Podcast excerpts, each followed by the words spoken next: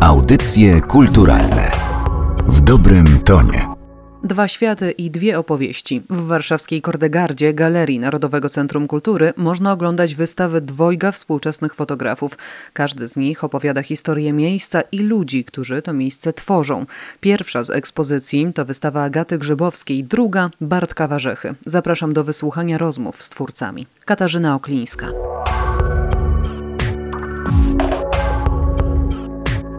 Dziewięć bram. Z powrotem ani jednej. To tytuł wystawy, którą można oglądać w Kordegardzie, Galerii Narodowego Centrum Kultury w Warszawie.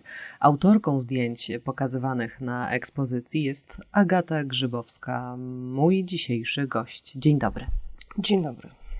Fotografie pokazują świat y, oddalony od stolicy. To Bieszczady i dziewięć osób, które postanowiły właśnie tam żyć. Wśród nich pani, reporterka wojenna, która na co dzień przez wiele lat fotografowała ludzi podczas y, konfliktów. Oderwała się pani od, y, można powiedzieć, cywilizacji i zamieszkała w Bieszczadach. Spędziła tam pani kilka miesięcy. Jak w tak krótkim, jakby nie było czasie, udało się stworzyć tak intymne relacje z bohaterami fotografii? Dosyć nie lubię tego określenia fotoreporterka wojenna. Dla mnie to jest w cudzysłowie, dlatego że jeżeli jestem w Warszawie, czy też jestem w ogóle w Polsce, to wtedy nie mogę mówić o sobie, że w ogóle ja nie używam tego określenia o sobie, że jestem fotoreporterką wojenną. Ja po prostu pracuję, bardzo dużo pracuję z ludźmi gdzieś w strefach przygranicznych, właśnie na konfliktach, gdzieś, gdzie jest ten człowiek zagrożony w jakiś sposób.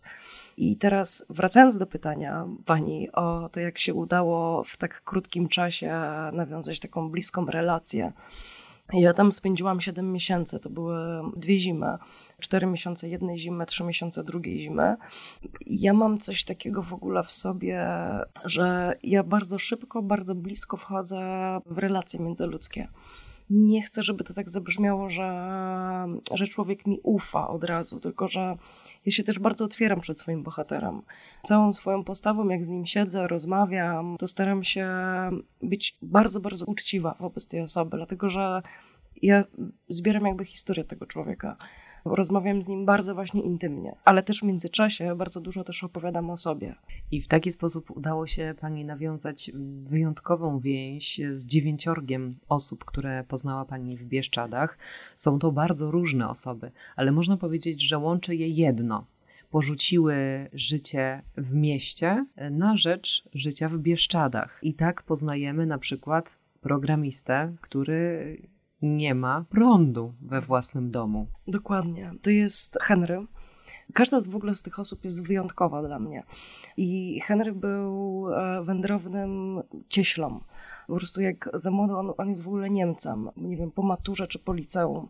Po prostu postanowił iść przed siebie i Henry w ten sposób doszedł do Bieszczady. Zamieszkał w środku lasu i całe życie marzył o tym, żeby tak naprawdę zbudować własnymi rękami własny dom. Ten dom zbudował, zajęło mu to 3 lata. Pokazywał mi na zdjęciach ten dom. Ten dom dzisiaj już nie istnieje, ponieważ on został spalony, bo jak Henry pojechał na Boże Narodzenie po prostu do swoich rodziców, to ktoś mu spalił ten dom. Z tego domu został tylko komin, ale Henry się nigdy sam nie wyprowadził. Po prostu on uznał, że nie może się bać, znaczy nie chce się bać. On tam przyjechał po to, żeby żyć w naturze. I do dzisiaj żyje w baraku, który ma, nie wiem, szerokość półtora metra, to jest chyba góra. I w tym baraku w nocy projektuje strony internetowe. I proszę sobie wyobrazić taką sytuację, że Państwo siedzicie u siebie w domu, surfujecie sobie po internecie zaglądacie na jakąś stronę internetową, gdzie sobie, nie wiem, kupujecie książki, gdzie kupujecie ubrania, czy też gdzie zamawiacie właśnie jakieś kosmetyki, czy coś tam. I nie macie pojęcia tak naprawdę, kto tą stronę zaprojektował. Być może zaprojektował ją pewien dziwny gość, który siedzi w środku lasu i nie ma prądu, nie ma bieżącej wody w swoim domu. To działa na wyobraźnię, rzeczywiście. Na wyobraźnię podziałała mi też kolejna z pani bohaterek, z bohaterek pani reportażu. To kobieta żyjąca w labiryncie książek, żyjąca w jednym domu z koniem. To jest pani Magdalena Osuchowska. To była najstarsza bohaterka w książce. Ona żyła w takiej maleńkiej chatce, właśnie z dwoma izbami W izbie po lewej stronie mieszkał jej koń, w izbie po prawej stronie mieszkała ona. Całą przestrzeń w tej, w tej przestrzeni, gdzie ona mieszkała, była totalnie zapełniona książkami historycznymi, ponieważ pani Magdalena miała absolutną obsesję na punkcie historii i życia Łukasza Cieplińskiego. Łukasz Ciepliński był żołnierzem, który został rozstrzelany w latach 50. w więzieniu w Warszawie na Rakowieckiej. Pani Magdalena zamawiała trzy różne książki historyczne, wszystko zawsze zamawiała listonosza i porównywała na przykład jakąś bitwę czy jakąś walkę, w której brał Łukasz Ciepliński. Te książki były totalnie pomazane flamastrami, długopisami, ołówkami i z tych trzech źródeł wyciągała wspólny wniosek, jak ta bitwa najbardziej prawdopodobnie by wyglądał. Pani Magdalena, ona miała, jak ja z nią wtedy rozmawiałam, ona miała 82 lata albo 84 i ona używała komputera do pisania. Ale tego komputera używała jak maszyny do pisania. Pisała stronę i tę stronę za każdym razem drukowała. I w momencie, jak program, którego używała do pisania, pytał jej się, czy zachować zmiany, i ona wtedy krzyczała na całą tą swoją izdebkę, jakie zmiany? I Bach zamykała cały komputer. Niewiarygodna historia, a poznaliśmy zaledwie dwoje bohaterów z pani reportażu. Pozostało jeszcze siedmioro. Można by powiedzieć, że to osoby, które schowały się trochę przed światem, przed cywilizacją, że mają melancholijne charaktery, że potrzebowały samotności, że być może nie są szczęśliwe. Tak mogłoby się wydawać nam, osobom mieszkającym w jakichś społecznościach, nawet jeżeli nie w dużych miastach. Czy to nie jest przypadkiem odwrotnie, że te osoby znalazły tam szczęście, znalazły w tej samotności właśnie jakiś kontakt ze światem, taki bardziej prawdziwy niż, niż wcześniej, żyjąc w mieście? Powiedziałabym nawet, że dokładnie tak jest. Łapałam się na czymś takim, że przyjechałam po to w Bieszczady, żeby właśnie zrobić opowieść o samotności i melancholii. Ja chciałam zrobić ten projekt, bo chciałam zrozumieć, czym tak naprawdę jest samotność. Chciałam zrozumieć, co to znaczy, że nagle decydujesz się zostawić wszystko za sobą, nie patrząc na konsekwencje, porzucasz wszystko i wyjeżdżasz po to, żeby być samemu. To nie jest tak, że oni nie czują się samotni, że tej samotności tam nie ma, tylko że oni na tą samotność nie mają czasu. Nie mają czasu na bycie melancholijnym, dlatego że życie w naturze jest życiem, które bardzo dużo wymaga od człowieka. Bo my, żyjąc w mieście, to miasto nas rozleniwia, Miasto powoduje, że jest pojęcie w ogóle nudy. I jeszcze jedną taką rzecz chciałam powiedzieć, coś bardzo, bardzo pięknego moim zdaniem, że ja nagle sobie też uświadomiłam, że w tym życiu u tych moich bohaterów tam w ogóle nie istnieje takie pojęcie właśnie jak Bóg. Tam nie ma czegoś takiego. Nie ma wiary w Boga. Jest wiara w naturę. I to jest coś nieprawdopodobnego, dlatego że człowiek nie wygra z naturą, jeżeli jej nie szanuje. To natura nam daje jedzenie, natura nam pozwala przetrwać, ale równie dobrze, jeżeli my nieumiejętnie się zachowamy w górach podczas zimy, zewie, śnieżycy, to my bardzo łatwo możemy zginąć, jeżeli nie będziemy znali tych zasad panujących w naturze. Pani te zasady poznała dość dobrze.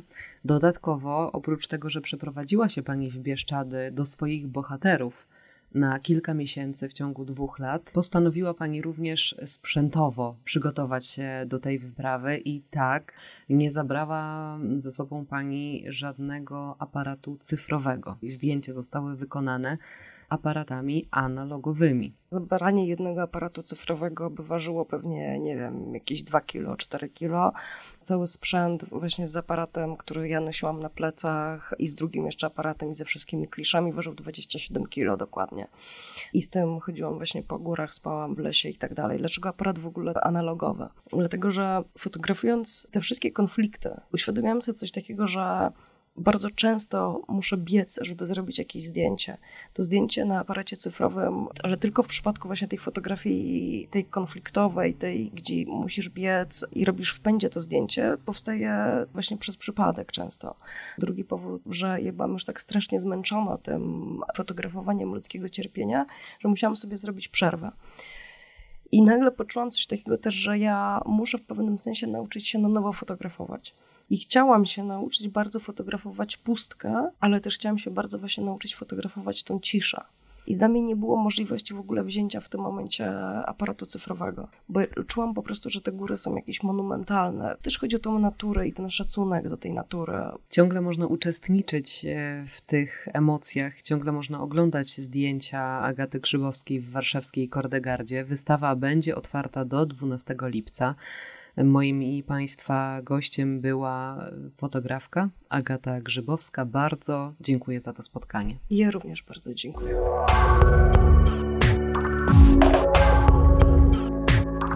Rdza to tytuł wystawy w Kordegardzie Galerii Narodowego Centrum Kultury, którą będzie można oglądać od 15 lipca. Na ekspozycji zobaczymy fotografię Bartka Warzechy. Dzień dobry. Dzień dobry Państwu. To fotografie bardzo posezonowe. Fotografie Krety, bo ta wyspa jest właśnie bohaterką wystawy. Pokazuje Pan miejsce zupełnie inne niż w sezonie, zupełnie inne niż znamy z pocztówek, z krajobrazów. To, domyślam się, był zabieg celowy, ale dlaczego postanowił Pan pokazać to miejsce właśnie w tak nietypowy sposób? Czy ono w jakiś sposób do Pana przemówiło? Odpowiedź jest dość prozaiczna. Nigdy nie byłem na Krecie w sezonie i to jest tak, że starałem się omijać, chyba w ogóle staram się omijać takie mocno turystyczne miejsca w swoich wyjazdach, zwłaszcza w chwili, kiedy jest tam wielu turystów. Wydaje mi się, że odpoczynek wtedy jest dość trudny i stąd y, w 2013 roku pojawiła się Kreta i pierwszy wyjazd na tę wyspę. Okazało się, że jest na tyle urzekająca, że wróciłem tam jeszcze pięć razy potem i pewnie już bardziej świadomie fotografowałem to, co tam zobaczyłem. Na pana zdjęciach z Krety nie ma ludzi. Nie zobaczymy ani jednej osoby. Z całą pewnością można powiedzieć, że Kreta jest główną bohaterką tej wystawy. Czy to jest tak, że miejsca są bardziej wdzięczne od osób do fotografowania? Trudno mi powiedzieć, bo to jest oczywiście celowy zabieg. Z drugiej strony nie jest tak, że tam w ogóle nie ma nikogo, bo, bo wyspa przecież nie wyludnia się zupełnie. Natomiast bardzo często mogą Państwo zobaczyć na zdjęciach krajobrazy, w których zazwyczaj jest bardzo wiele osób, zazwyczaj w sezonie. Rdza to jest tytuł tej wystawy. Doszukiwałam się rdzy na niektórych fotografiach i w pewnych momentach można byłoby uznać, że ona jest, ale już wiem od pana, że tej rdzy na zdjęciach nie ma. Skąd więc tytuł? Rozumiem, że jest to metafora, ale dość pesymistyczne skojarzenia mam na myśl o rdzy. O rdzy myślałem jako o narośli i czymś, co zmienia strukturę podstawowego materiału, ale też w jakiś sposób oczyszcza, przetwarzając to, co jest już niepotrzebne. Oczywiście jest destrukcyjna, natomiast finalnie pozostawia po sobie spokój i długofalowym działaniu porządkuje wiele rzeczy. To trochę tak jak z samą wyspą, która po sezonie turystycznym oczyszcza się z tego nadmiaru osób, które przyjeżdżają na wypoczynek i potem zostają już tylko ci, którzy mieszkają na co dzień, prawda? Tak, w większości. Oczywiście nadal pojawiają się tam turyści. Ja bywałem na Krecie mniej więcej od września do grudnia w takich miesiącach. I o ile jeszcze we wrześniu tych turystów bywa całkiem sporo, to już późniejsze miesiące rzeczywiście raczej obfitują w puste plaże niż przepełnione. Na pańskich fotografiach Kreta jawi się jako taka zaspana wyspa, zaspane miejsce, jakby szykujące się do zimowego snu.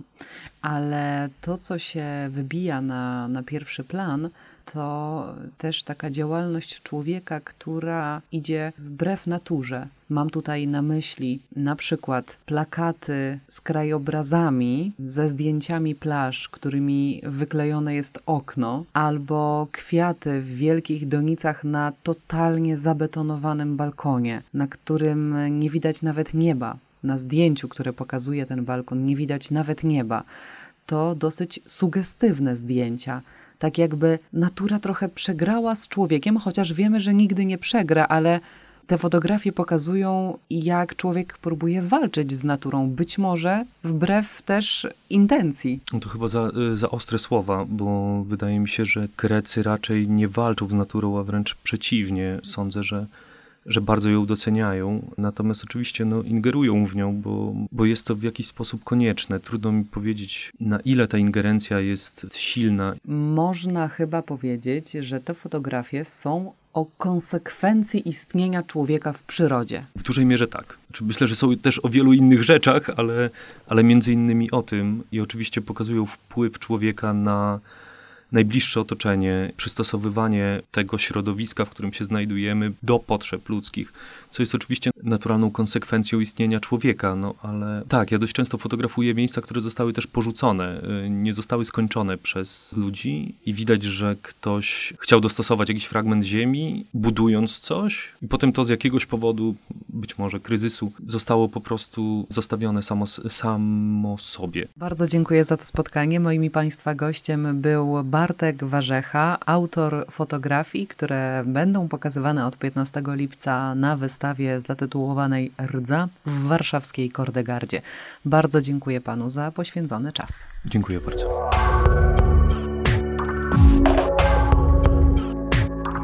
Wysłuchali Państwo rozmów z Agatą Grzybowską i Bartkiem Warzechą, fotografami, których zdjęcia są wystawiane w warszawskiej Kordegardzie, Galerii Narodowego Centrum Kultury. Bardzo dziękuję za uwagę. Katarzyna Oklińska, do usłyszenia. Audycje kulturalne w dobrym tonie.